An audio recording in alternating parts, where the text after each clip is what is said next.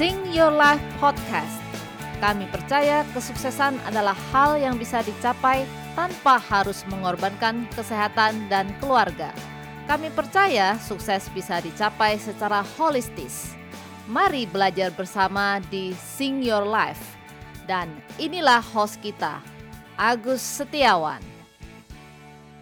Alright, selamat datang kembali di Sing Your Life. Ini adalah episode kedua dan bisa dibilang anyway ini adalah episode pertama karena kontennya dimulai dari sini.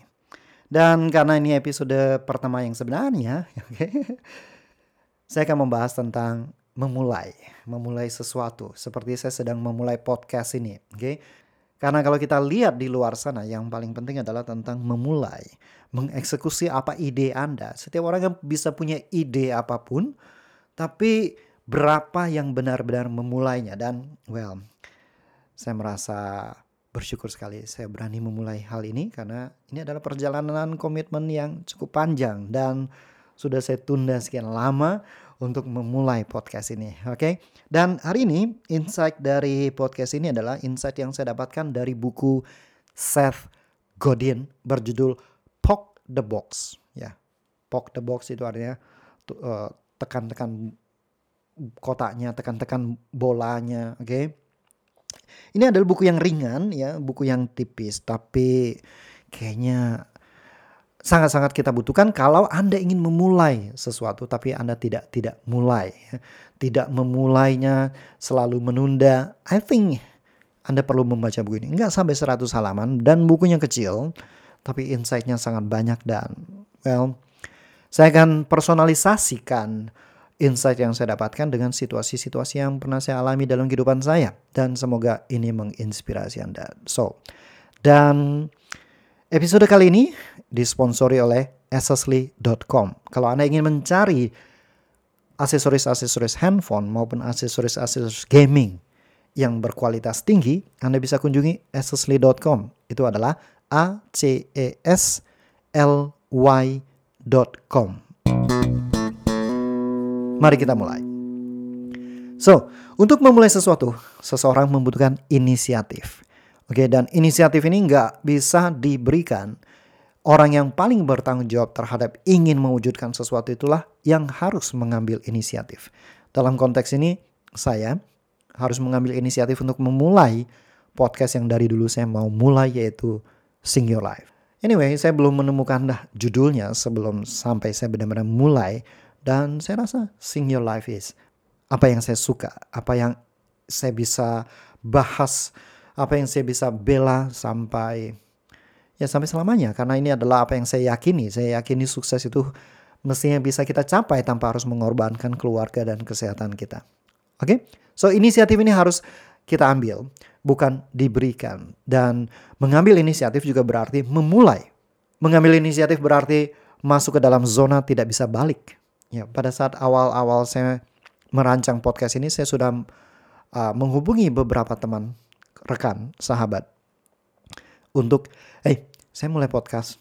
Tanya saya nanti kapan podcast saya keluar. Oke. Okay?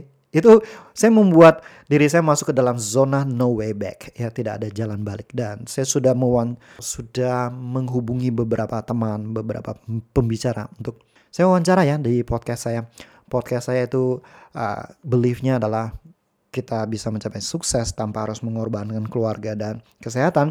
Dan kita angkat topik dari keahlian Anda masing-masing. Terus how do you see your life? Dan saya sudah kontak seperti itu, saya menyatakan podcast seperti itu, I have no way back. Gitu. Lanjut. Kayaknya saya kebanyakan so. Oke. Okay. Oke. Okay. Saya akan belajar bagaimana mengurangi itu ya. Biar podcast ini makin seru. Berarti, ya inisiatif berarti kita melompat. Um, mungkin Anda mengalami lompatan iman, leap of faith. Anda benar-benar melompat dan masuk ke dalam zona itu ya. Ini masih ada kaitannya sama zona tidak bisa balik itu. Yang selanjutnya, inisiatif berarti komitmen. Komitmen untuk terus melakukannya. Oke, suka duka dijalani kata Pak Tung. Jadi inisiatif juga berarti menghasilkan sesuatu. Jadi bisa aja sih sudah rekaman 5-6 episode podcast ini untuk Anda. Harusnya Anda bisa mendengarkan podcast ini pada tanggal 1 Oktober 2020. Itu saya masuk zona no way back lagi harusnya Anda bisa mendengarkan ini di tanggal 1 Oktober 2020. Jadi um, kalau Anda tidak mendengarkan ini di tanggal 1 Oktober 2020 berarti saya tidak menghasilkan sesuatu. Berarti rekaman saya ini tidak tidak dipublikasikan. Karena memulai inisiatif berarti menghasilkan sesuatu, berarti Anda menerbitkan, Anda menghasilkan, Anda memproduksinya dan orang lain bisa mengkonsumsinya. Jangan sampai Anda misalkan Anda sama dengan saya mau memulai podcast terus ya mulai aja. Oke, Anda mulai aja, Anda rekaman aja tapi tidak pernah Anda publikasikan. Oke, jadi itu inisiatif. Inisiatif berarti kita memulai sesuatu. Oke. Dan memulai sesuatu berarti Anda menghasilkan sesuatu yang bisa dikonsumsi oleh orang lain. supaya kita bisa memulai sesuatu, ya, kita butuh tujuh imperatif. Yang pertama adalah Anda menyadari. Yang kedua adalah tentang mengedukasi yang ketiga adalah tentang membangun relasi atau connected. Yang keempat adalah konsisten dan kelima membangun aset. Yang keenam adalah produktif. Yang ketujuh nanti saya bahas. Yang pertama, menyadari. Menyadari apa sih? Kita harus menyadari pasarnya. Ada nggak, misalkan kalau podcast ini ada nggak yang mau mendengarkan? Oke, okay. atau saya cerita hmm, salah satu alumni Baca Kilat, Ibu Rami. Ibu Rami setelah lulus baca kilat terus dia melihat rekannya yang juga alumni baca kilat yang kerjanya mirip sama dia menghasilkan buku dia juga terdorong untuk menghasilkan buku dan setahu saya dia belum tahu dia harus menulis buku apa dan dia mendedikasikan dirinya untuk uh, belajar mendalami apa pun yang dia ingin dalami sesuai dengan bidangnya dan akhirnya dia menuliskan buku tentang aspek hukum kebakaran lahan dan hutan di Indonesia. Nah, saya pikir ide tentang itu sudah banyak terjadi di mana-mana. Pada saat negara tetangga komplain kepada Indonesia tentang kebakaran hutan yang terjadi di Riau dan kebakaran hutan yang terjadi di Kalimantan, banyak orang yang sudah berpikir dan punya ide untuk menuliskan buku serupa. Tapi hanya dia yang menghasilkan dan menerbitkan buku itu. Itulah yang disebut dengan inisiatif memulai. Oke, okay? dan tentu dia menyadari bahwa oke, okay, ada pasarnya. Ada pasarnya di sini, ada pembaca yang butuh mengetahui hal ini sehingga kita bisa melestarikan hutan di Indonesia dan ada kesempatan yang bisa dibuat karena memang ada masalah yang sangat besar terjadi di Indonesia saat itu. Dan siapa Anda? Siapa Anda berarti apa yang Anda ketahui, apa yang bisa Anda karyakan, apa yang bisa Anda bagikan. Dan Ibu Rahmi sebagai seorang jaksa media yang memang concern pada hal itu sangat cocok untuk menuliskan itu. Nah, buat saya memulai podcast ini adalah hal yang sangat personal buat saya seperti yang saya share di episode pertama introduction oke okay? kemudian educated membekali diri kita dengan pengetahuan untuk memahami apa yang ada di sekitar pangsa pasar kita apa yang ada di sekitar orang-orang yang ingin mendengarkan kita audiens kita apa yang ada di sekitar mereka apa yang mempengaruhi keputusan-keputusan mereka apa pun itu oke okay? dan yang ketiga adalah tentang membangun keterhubungan atau membangun relasi. Kenapa saya memulai podcast? Karena saya merasa podcast ini adalah sebuah media atau sebuah platform yang saya bisa enjoy karena saya bisa merekam sendirian atau saya bisa mewawancari orang-orang luar biasa dan ini personal banget buat saya gitu. Dan salah satunya adalah saya bisa menemani Anda. Ya, probably ya kemungkinan besar Anda mendengarkan podcast ini adalah Anda sambil uh, jogging atau Anda sambil membawa mobil sendirian. Ya, kalau Anda berdua, harusnya Anda tidak dengar podcast karena kalau saya dengar podcast, saya sendirian. Kalau saya sama istri, saya dengar istri. Oke. Okay? Ini akan memberikan kesempatan buat saya untuk membangun relasi bersama Anda. Membangun sebuah koneksi yang ya mungkin bisa bermanfaat buat Anda dan jika itu bermanfaat buat Anda, um, saya happy ya. Walaupun saya nggak tahu itu bermanfaat buat anda atau enggak well anyway anda bisa meninggalkan review buat saya. Sampaikan apa yang anda rasakan dengan podcast podcast saya. Itu tentang connected yang ketiga. Yang keempat adalah tentang konsisten. Konsisten adalah tentang membuat orang-orang tahu apa yang harus dia ekspektasikan dari anda. Nah untuk Anda, apa yang Anda bisa ekspektasikan dari mendengarkan podcast Sing Your Life sudah saya sampaikan di episode introduction. Jadi kalau Anda belum mendengarkannya, bolehlah didengarkan ya. Dan yang ke lima adalah membangun aset. Nah, apa pun platform yang Anda bangun, might be Anda akan menjual sesuatu. Ya, karena kalau tidak Anda tidak akan memulai sesuatu kan? So, saya belajar dari Seth Godin, saya mendengarkan podcastnya yang luar biasa, judulnya Akimbo.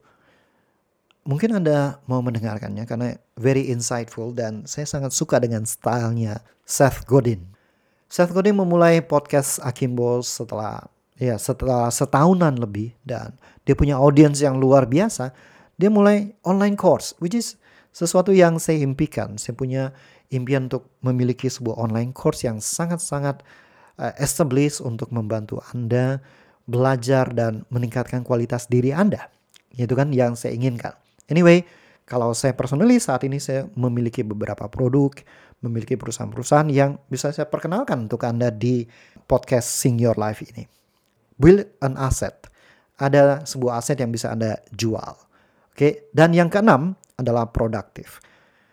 Nah, produktif ini menghasilkan konten, menghasilkan buku, menghasilkan produk-produk yang Anda ingin jual, apa pun dalam kehidupan Anda sehingga Anda bisa mendapatkan reward secara financial. Dan yang ketujuh, jadi Anda tidak akan menghasilkan apa pun, Anda nggak akan dapat apa pun kalau Anda hanya melakukan 1 sampai 6 ya menyadari ada pasar-pasar, memberikan edukasi pada diri Anda sendiri, kemudian membangun koneksi, ya, membangun konsistensi, membangun aset, Anda punya produk, Anda punya perusahaan, Anda produktif, tapi Anda tidak melakukan yang ketujuh, itu tidak ada gunanya. Yang ketujuh adalah hal yang paling menakutkan buat kebanyakan orang. Yang ketujuh harus memiliki keberanian, oke, okay? harus memiliki hati yang kuat, harus memiliki passion untuk bisa melakukannya, yaitu menerbitkannya, menelurkannya, mempublikasikannya, ya mempublikasikannya ke ke ke luar ke ke pangsa pasar Anda. Untuk itu kita harus menantang diri kita. Tantangannya adalah apakah kita punya kebiasaan untuk memulai sesuatu, untuk menghasilkan sesuatu. Itu yang harus kita bangun dalam kehidupan kita. Contohnya Ibu Rami, dia memulai dirinya dengan cara mendedikasikan dirinya untuk menjadi seorang pembelajar sepanjang hayat dan ingin berkontribusi untuk Indonesia dan akhirnya dia menelurkan sebuah buku tentang aspek hukum kebakaran hutan. Oke. Okay? Jadi yang ketujuh adalah hal yang setiap orang pasti harus memberanikan diri termasuk saya, termasuk Ibu Rami dalam menelurkan bukunya. Kita lihat lagi, tadi itu tujuh imperatif. Sekarang kita masuk ke elemen production. Seperti apa? Anda kalau mau mem memproduksi sesuatu, Anda butuh apa aja sih? Yang pertama, Anda butuh ide. Anda butuh orang, paling tidak diri Anda, untuk memulai karya Anda. Anda butuh tempat untuk membangun. Ya, misalkan kalau saya membangun the platform podcast ya, saya butuh tempat untuk menerbitkan podcast kemudian raw materials, pengetahuan, insight kalau dalam podcast ini, kemudian juga koneksi saya, oke, okay? dan mendistribusikannya, oke. Okay. Di tempat Anda mendengarkan sekarang ya tempat mendistribusikannya. Dan ada uang yang terlibat untuk menghasilkan ini, ada marketing yang terlibat untuk menghasilkan ini, dan itu semua ya. Semua elemen itu sekali lagi tidak ada akan gunanya kalau setelah itu Anda menunggu menunggu, menunggu seseorang untuk katakan, ayo jalankan, ayo dimulai. Nah, kalau orang itu adalah bukan Anda, maka Anda mungkin tidak akan memulai sesuatu itu. Tapi kalau orang itu adalah Anda, maka Anda yang akan memulai, Anda yang akan ambil inisiatif. Menariknya dalam kehidupan ini, tidak ada yang namanya peta kehidupan. Jadi kita dilahirkan ke dunia ini juga tidak dibekali dengan buku manual bagaimana menggunakan otak kita secara optimal. Kita juga tidak diberikan buku manual atau peta bagaimana kita bisa menemukan apa sih passionnya kita. Apa sih yang kita ingin lakukan. Apa sih karya yang ingin kita buat selama kita hidup ini. Kita nggak punya itu. Jadi ada seorang biologi cybernetics dari Max Planck Institute bernama Dr. Jan Sauman dia melakukan penelitian dan menemukan jawaban kenapa orang bisa tersesat di hutan maupun di gurun pasir. Ketika dia tidak bisa melihat bintang utara, North Star. Biasanya kan kalau kita lihat arah kan itu kan kita lihat North Star ya. North Star itu adalah kompasnya kita. Nah kalau kita nggak bisa melihat itu, dan orang bilang, tenang, kamu jalan lurus aja, kamu pasti keluar dari tempat ini. Kamu nggak akan tersesat. Cukup jalan lurus saja. Tapi ternyata enggak. Walaupun kita sudah berusaha untuk jalan lurus, tapi Indian kita akan uh, berjalan melingkar dan kita akan kembali ke tempat kita semula. So, itu adalah manusiawi. Sifat alami manusia bahwa kita butuh sebuah peta, kita butuh sebuah guidance, kita butuh sebuah panduan supaya kita bisa mencapai tujuan kita. Dan saya rasa di dunia ini banyak sekali panduan. Even saya memulai podcast ini, saya juga belajar dari orang lain. Saya belajar dari orang yang sudah memulai podcast. Saya belajar dari orang yang mengajarkan bagaimana step by step membangun podcast ini. So, pertanyaannya adalah kepada Anda, kepada kita, kepada Anda yang mendengarkan podcast ini, apakah Anda cukup berani untuk menggambarkan sebuah peta sehingga orang-orang akan mengikuti peta Anda. Dalam hal ini, saya sangat ingin menggambarkan sebuah peta. Saya ingin komunikasikan bahwa uh, sukses itu bisa kita capai tanpa harus mengorbankan kesehatan, waktu dengan keluarga, hal-hal yang jauh lebih bermakna daripada pekerjaan itu sendiri dan tidak meng, um, mengutamakan pekerjaan di atas segala-galanya. Apakah benar-benar itu bisa terjadi? Karena dulu saya sendiri personally, saya adalah orang yang kerja keras sampai lembur, nggak tidur bermalam-malam. Apakah saya bisa melakukannya? Well, saya baca banyak buku tentang hal itu dan saya mulai mempraktekannya. Kelihatan hasilnya cukup bagus selama 2-3 tahun ini. Dan sekarang adalah tentang membuat diri saya semakin konsisten, semakin memahami hal ini. Dan ini adalah catatan pembelajaran saya. Uh, saya memetakannya dalam bentuk podcast So, semoga Anda enjoy dengan podcast ini.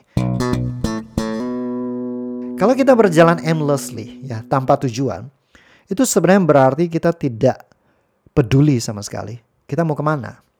Kita hanya kerja, kerja, kerja pulang. Rutinitas yang tidak ada arahnya. Itu berarti kita sedang berjalan tanpa arah. Tanpa arah berarti kita tidak peduli kita sebenarnya mau ke mana. Yang penting jalan aja. Jadi orang yang punya ide itu banyak. Oke, kita lihat Um, kemarin saya baru beli buku dari King Kong Books. Ya, King Kong Books punya seorang teman saya.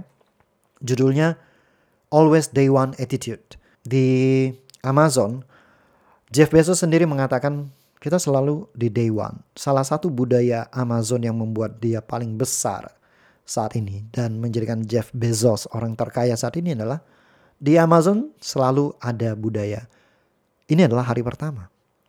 Karena hari pertama membuat kita semangat. Hari pertama membuat membuat kita berani mengambil risiko. Hari pertama ini membuat kita bisa melihat sesuatu secara berbeda, kreatif. Nah, di dalam buku itu juga dijelaskan ada sebuah piramida yang dibagi dua dengan tidak proporsional. Bagian atas sangat kecil, bagian bawah sangat besar. Bagian yang besar di bawahnya itu adalah ide. Jadi ide sebenarnya murah, ide ada di mana-mana. Tapi bagian atas yang kecil itu adalah orang yang memulainya, orang yang mengeksekusinya. Dan orang yang memulai mengeksekusinya akan menghadapi berbagai risiko, berbagai tantangan dan itu tidak mudah. Oke. Okay? Itu tidak mudah dan itulah kenapa memulai sesuatu itu sangat-sangat bermakna. Memulai sesuatu orang selalu melihat risiko. Saya takut nih, risiko. Saya takut gagal. Nah, memang risiko itu melibatkan kemungkinan Anda bisa kalah. Kemungkinan Anda bisa menang. Jadi semuanya adalah probabilitas. Risikonya adalah saya memulai podcast ini bisa aja nggak ada yang dengerin. Ya, bisa aja Anda nggak suka dengan podcast ini. Ya nggak apa-apa. Tapi kebanyakan orang mempersepsikan risiko adalah sesuatu yang buruk. Risiko adalah membawa kemungkinan gagal dan malah orang berpikir bagi sebagian orang risiko itu sudah sama dengan kegagalan itu sendiri. Jadi mereka akan merasa cemas duluan. Kalau kita definisikan cemas, cemas itu apa? Cemas itu adalah merasa gagal duluan sebelum benar-benar memulainya. Merasakan semua keburukan-keburukan duluan gitu. Ya. Jadi kalau kita belajar dari buku-buku luar, katanya fear adalah false expectation, ekspektasi yang salah, appearing real, kelihatannya nyata. Itu yang membuat kita takut, membuat kita cemas untuk memulai. Yang mana sering kali fear-nya ini atau cemasnya kita ini Begitu kita jalani, ternyata nggak gitu-gitu banget. Semuanya adalah hal yang kita putar dalam pikiran kita. Hal yang kita putar dalam pikiran inilah yang membuat kita apakah kita bergerak atau enggak. Jadi sebenarnya faktor luar itu tidak susah. Yang bikin susah itu adalah apa yang kita putar dalam pikiran kita. Dan society kita juga orang tua orang tua kalau misalnya saya ikut orang tua atau bahkan teman-teman sekolah saya waktu dulu ya. Jadi pada saat ngobrol, pada saat kita istirahat dari kelas di sekolah, itu selalu mengatakan, uh lu baru segitu. Gua lo gua lebih parah kayak gini. Jadi kita membanggakan uh, kegagalannya kita. Kita membanggakan kita itu orang yang mendapati kesialan yang lo, yang jauh lebih besar loh kesulitan yang jauh lebih besar loh lu gitu aja nggak bisa gitu ya. Tapi sebenarnya bukan memotivasi bahwa gitu aja nggak bisa sih. Tapi lebih membanggakan gue lebih gue loh lebih nggak bisa Gara-gara gue punya ini, jadi kita bersembunyi di balik alasan itu. Lalu kalau kita ngomongin alasan orang lain, orang itu salah kayak gini gini. Dia tuh nggak bisa berpikir dengan bagus, makanya dia bisa salah kayak gini. Nah, ini adalah fenomena yang terjadi dalam society kita. Dan gagal adalah proses yang harusnya baik-baik saja gitu loh. Kegagalan adalah proses yang memang seharusnya kita lewati. Kegagalan adalah sebuah proses di mana kita akan menemukan jalan yang lebih baik yang membuat kita maju, yang membuat yang memberikan kita feedback yang bisa membuat kita lebih baik. Jadi kalau kita lihat banyak orang yang tidak mau memulai karena dia melihat bahwa nanti bisa gagal. Jadi saya nggak mau serampangan, saya nggak mau setengah hati, saya maunya sepenuh hati. Saya maunya lanjutannya adalah saya maunya perfect. Kenapa? Karena tidak mau gagal. Jadi kapan kita bisa perfect? Harusnya sih nggak tahu ya. Sampai kapan? iPhone yang Anda miliki apakah sudah perfect? Kalau sudah perfect nggak akan ada iPhone selanjutnya. Episode saya harusnya tidak akan perfect. Proses saya mengajar setiap angkatan dari setiap angkatan nggak akan perfect. Kalau saya tidak mulai dari baca kilat 1.0 tahun 2009 waktu itu, sekarang nggak ada baca kilat 3.0. Um, tidak ada kesempatan buat saya menyentuh 8 ribuan orang di Indonesia untuk bisa membaca dengan efektif. Nggak ada kesempatan itu buat saya kalau kita tidak melakukan inisiatif. I don't know inisiatif seperti apa yang Anda butuhkan.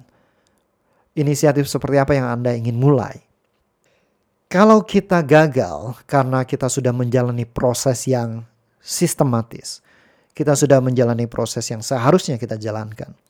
Kita sudah melewati proses dengan penuh niat, dengan rencana yang baik, melakukan apa yang benar-benar penting, dan kita gagal, itu adalah gagal yang bisa dimaklumi. Gagal yang perlu kita ikhlaskan. Gagal yang bagus untuk kita. Gitu. Kalau di dunia forex ya, kita cut loss dengan ikhlas. Kenapa? Karena analisisnya udah sesuai dengan rulesnya. Tapi kalau misalkan Anda serampangan, Anda melakukan sesuatu tidak dengan niat untuk benar-benar menerbitkan sesuatu yang bermakna, Anda melakukan sesuatu yang ya asal-asalan, setengah hati, maka harusnya Anda layak untuk kalah gitu loh. Anda layak untuk gagal. Seorang coach saya membagikan sebuah status yang dibagikan oleh koleganya dari luar negeri. Judulnya gini, mungkin Anda memang layak untuk rugi di forex. Kenapa? Kan karena Anda tidak melakukan PR Anda, Anda tidak melakukan backtesting, Anda tidak melakukan PR Anda untuk tetap ikut pada jalur rules-nya. Kenapa Anda perlu ambil posisi itu? Tapi Anda melakukannya dengan serampangan tidak sesuai rules. Jadi mungkin memang Anda layak untuk gagal. Mungkin Anda layak untuk rugi. Saya pikir ini adalah sebuah pemikiran yang berkaitan di semua aspek kehidupan kita. Apakah kita melakukan PR kita? Dalam dunia public speakingnya saya, saya juga melakukan PR. Pada saat saya dulu memulai mengajar, ada orang yang mendiscourage saya untuk, udah kalau kamu mau mulai ngajar, kamu harus ngajar dulu selama 10 ribu jam. Itu kan tidak make sense. Mau mulai mengajar harus mulai mengajar dulu 10 ribu jam. Atau at least, ya saya sudah mengumpulkan bukti-buktinya saya um, saya personally sudah mengalami transformasi dari proses yang saya jalani. Kemudian saya juga mengajarkan ke beberapa orang dekat dan hasilnya luar biasa. Kenapa saya tidak boleh mengajar? Oke. Okay. Yang penting apa yang Anda mulai itu bukan serampangan. Dan saya percaya setiap orang manusia, Anda dan saya adalah orang baik. Orang baik yang mau memberikan dampak kepada orang lain. That's why Anda tidak mau sembarangan. Jadi lakukan dengan sepenuh hati dan mulai melakukannya sesuai dengan apa rencana Anda. Karena apa yang Anda rencanakan itu penting sekali. Kita belajar dari Zig Ziglar, selalu menuliskan apa yang Anda ingin lakukan. Selalu menuliskan apa yang Anda ingin kerjakan. Selalu rencanakan di depan dan laksanakan rencana Anda dengan penuh niat dan kesengajaan. Oke, kalau tidak ada niat, tidak ada kesengajaan, maka tidak akan pernah terjadi progres, ya kan? Saya belajar dari Brandon Burchard bahwa kebiasaan-kebiasaan Anda yang membuat Anda maju itu adalah kebiasaan-kebiasaan yang tidak pernah akan terjadi secara otomatis. Kita lihat seperti ini. Air bisa nggak otomatis mengalir ke atas? Nggak bisa. Harus ada usaha gaya dari luar yang membuat dia bisa mengalir ke atas. Ya kan? Sama dengan kita. Kalau kita mau maju, kita mau naik level, apakah kita bisa otomatis naik level dengan sendirinya? Enggak, kita harus melakukan usaha dengan sengaja, dengan penuh niat mengeksekusi apa yang kita sudah pelajari dengan sengaja dan penuh niat untuk membaca buku supaya Anda bisa memperhatikan isi buku itu dan lain-lain. Jadi semua kebiasaan yang membuat Anda naik level tidak pernah merupakan kebiasaan yang otomatis. Jadi anda nggak bisa excuse cari alasan bahwa, aduh malas, saya mau cari yang otomatis bisa sukses ada nggak? Gitu. Ya bisa aja ada. Anda bayar mahal tapi ya? Okay? Anda bayar dengan risiko yang jauh lebih besar. Mungkin aja ada, siapa tahu.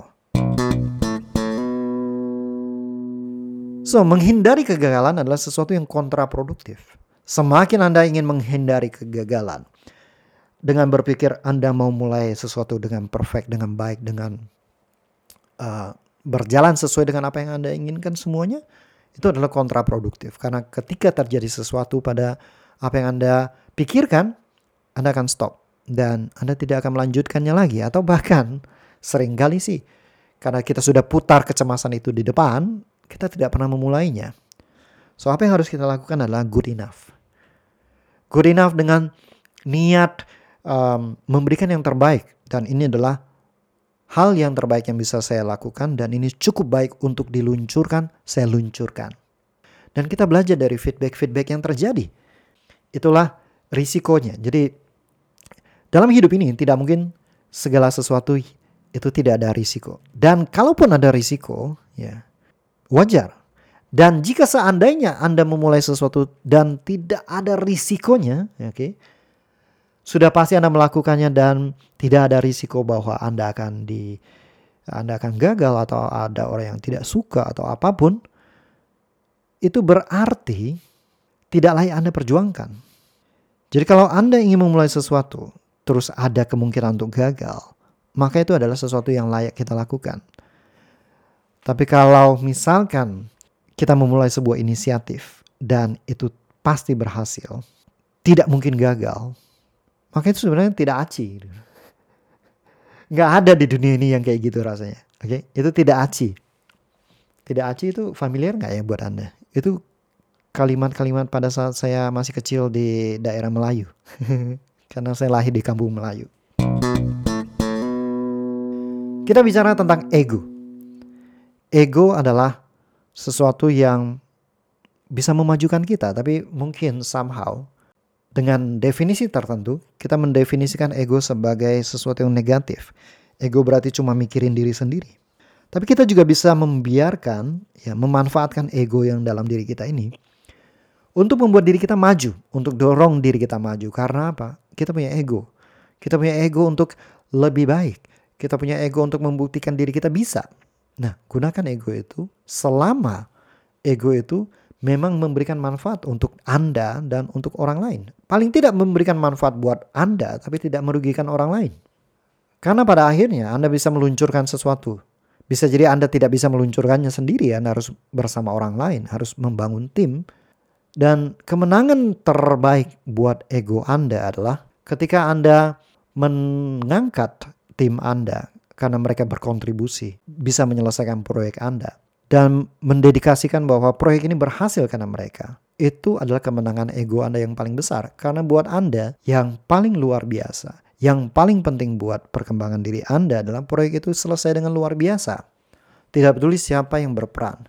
Apakah Anda, which is Anda pasti ada perannya di dalam, atau tim Anda. So kenapa tidak angkat tim Anda sehingga mereka sangat bahagia, mereka senang bekerja dengan Anda karena ya mungkin dari sisi ego juga terpenuhi dan proyek Anda malah selesai dengan luar biasa daripada Anda menonjolkan diri Anda secara ego dan akhirnya membuat uh, orang lain malah tidak senang dengan Anda. Penasaran, apa sih bedanya orang kreatif dan orang yang memulai sesuatu atau yang kita sebut dengan inisiator? Persamaan dari inisiator dan kreatif adalah mereka memiliki rasa penasaran yang sangat tinggi. Orang kreatif punya rasa penasaran yang sangat tinggi sampai dia mencari jawabannya. Orang inisiator memiliki penasaran yang sangat tinggi sampai dia membuat dirinya bisa. Nah, itu perbedaannya. Sama-sama memiliki rasa penasaran, tapi yang satu cukup sampai belajar dan mengetahui, oh, begitu caranya, begitu kenapa ini bisa berhasil, maka orang kreatif akan selesai tugasnya. Tapi orang inisiator, dia akan mulai, dia akan membuat dirinya bisa. So, apakah Anda sekedar kreatif atau Anda adalah seorang inisiator? Dan setiap kali kita melakukan ini, pasti ada muncul keraguan. Setiap kali muncul keraguan, mari renungkan, mari duduk. Kalau perlu tuliskan, apa sih yang membuat kita ragu? Temukan sumbernya. Dan sumbernya itu biasanya adalah rasa takut.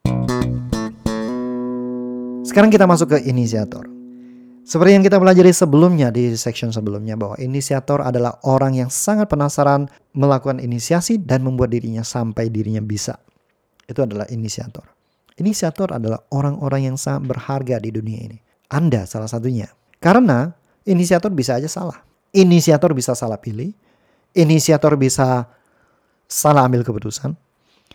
Dan inisiator bisa salah dan buang waktu membuang-buang waktu tanpa mendapatkan progres apa pun. Dan inisiator adalah orang yang paling disalahkan. Orang yang paling bertanggung jawab atas kegagalan-kegagalan. Inisiatif yang Anda ambil itu tidak perlu benar. Tapi perlu membuat Anda memulai. Dan Anda perlu oke okay dengan ini bisa aja gagal. Apa yang Anda lakukan bisa aja gagal. Beberapa waktu lalu di pelatihan minggu 13, saya menulis, ini bisa aja gagal. Oke nggak dengan kalimat itu? Perubahan, perubahan seperti Anda menjalankan dengan menggunakan sing planner atau perubahan apa pun dalam hidup Anda, selalu menghadirkan kegagalan sebagai partnernya. Ini bisa aja gagal, hanyalah sesuatu yang perlu kita toleransikan. Bahwa ya, it might works, it might not works. Ya kalau di forex, ini bisa profit, bisa juga stop loss. Berikan diri Anda margin of error. Kegagalan adalah sesuatu yang perlu Anda cari dan habiskan jatah gagalnya. Inisiatif tidak memerlukan kita untuk benar dan perfect. Apa pun bisa aja gagal. Inisiatif memerlukan kita untuk memulai. Banyak orang mundur, menahan diri, tidak memulai, dan dengan senang hati membiarkan orang lain mengambil inisiatif dan memulainya hanya karena perasaan takut. Dan banyak orang takut pada dua hal. Takut jika dia salah dan semuanya jadi kacau dan memburuk atau setidaknya kelihatannya memburuk di dalam pikirannya. Dan takut jika berhasil dan mengubah semua kebiasaan yang sudah ada dan akhirnya memasuki zona baru yang tidak familiar. So, inisiator adalah orang yang tidak berhenti sampai dia mahir. Kreatif adalah orang yang puas setelah mempelajari dan mengetahuinya. Kita mungkin sibuk, jadwal kita mungkin sangat ketat. Tapi inilah kenapa kita ingin memulai sesuatu. Memulai sesuatu yang bermakna untuk mengubah kehidupan kita. Ya, jika ada yang takut untuk memulai, mungkin kita perlu berpikir, harga dari kita tidak memulai itu apa? Karena kalau kita menyadari harga yang kita dapatkan dari kita tidak memulai, might be kemungkinan besar kita akan memulainya. Apakah kita sudah benar-benar mempertimbangkan itu? Karena sekali lagi semuanya itu adalah hal yang terjadi dan semuanya itu adalah hal yang kita putar dalam pikiran kita. Misalkan sebuah kalung anjing yang akan menyetrum anjing itu jika dia keluar dari zona tertentu. Jadi misalkan pemilik anjing itu memasang kalung, kalau anjing itu keluar dari pagar akan ada setruman yang keluar dari kalung anjing itu. Itu akan membuat dia belajar bahwa dia tidak akan keluar dari zona tersebut. Dia nggak akan keluar pagar. Bisa jadi beberapa bulan kemudian kalung itu sudah rusak dan tidak akan menyetrum anjing itu lagi. Tapi si anjing sudah belajar bahwa dia nggak boleh keluar pagar. Kalau dia keluar pagar, akan ada setruman. Dan itu semua terjadi dalam kepalanya, bukan terjadi secara kenyataan. Kebanyakan dari kita mungkin menghadapi hal-hal ini. So, untuk membuktikannya, kenapa kita tidak memulainya? Melakukan sesuatu, memulai sesuatu, dan lihat apa yang kita bisa lakukan. Dan lihat, kalaupun gagal, apa yang bisa kita pelajari? Yang pasti adalah satu hal, kita tidak mendapatkan hasil dari kita tidak memulai. So, mulai sesuatu dan jika Anda suka dengan episode ini, boleh berikan review, boleh subscribe ke podcast Sing Your Life dan berikan review Anda jika review Anda sangat menarik buat saya. Saya akan highlight di episode-episode selanjutnya. So, sekali lagi, Episode kali ini disponsori oleh Accessly.com, sebuah website e-commerce yang menghadirkan produk aksesoris handphone dan aksesoris gaming berkualitas tinggi. Sekian dari saya. Hope you enjoy dengan podcast ini. Enjoy your journey dan mari kita bersama-sama sing our life menuju kesuksesan bermakna yang kita definisikan masing-masing. God bless you.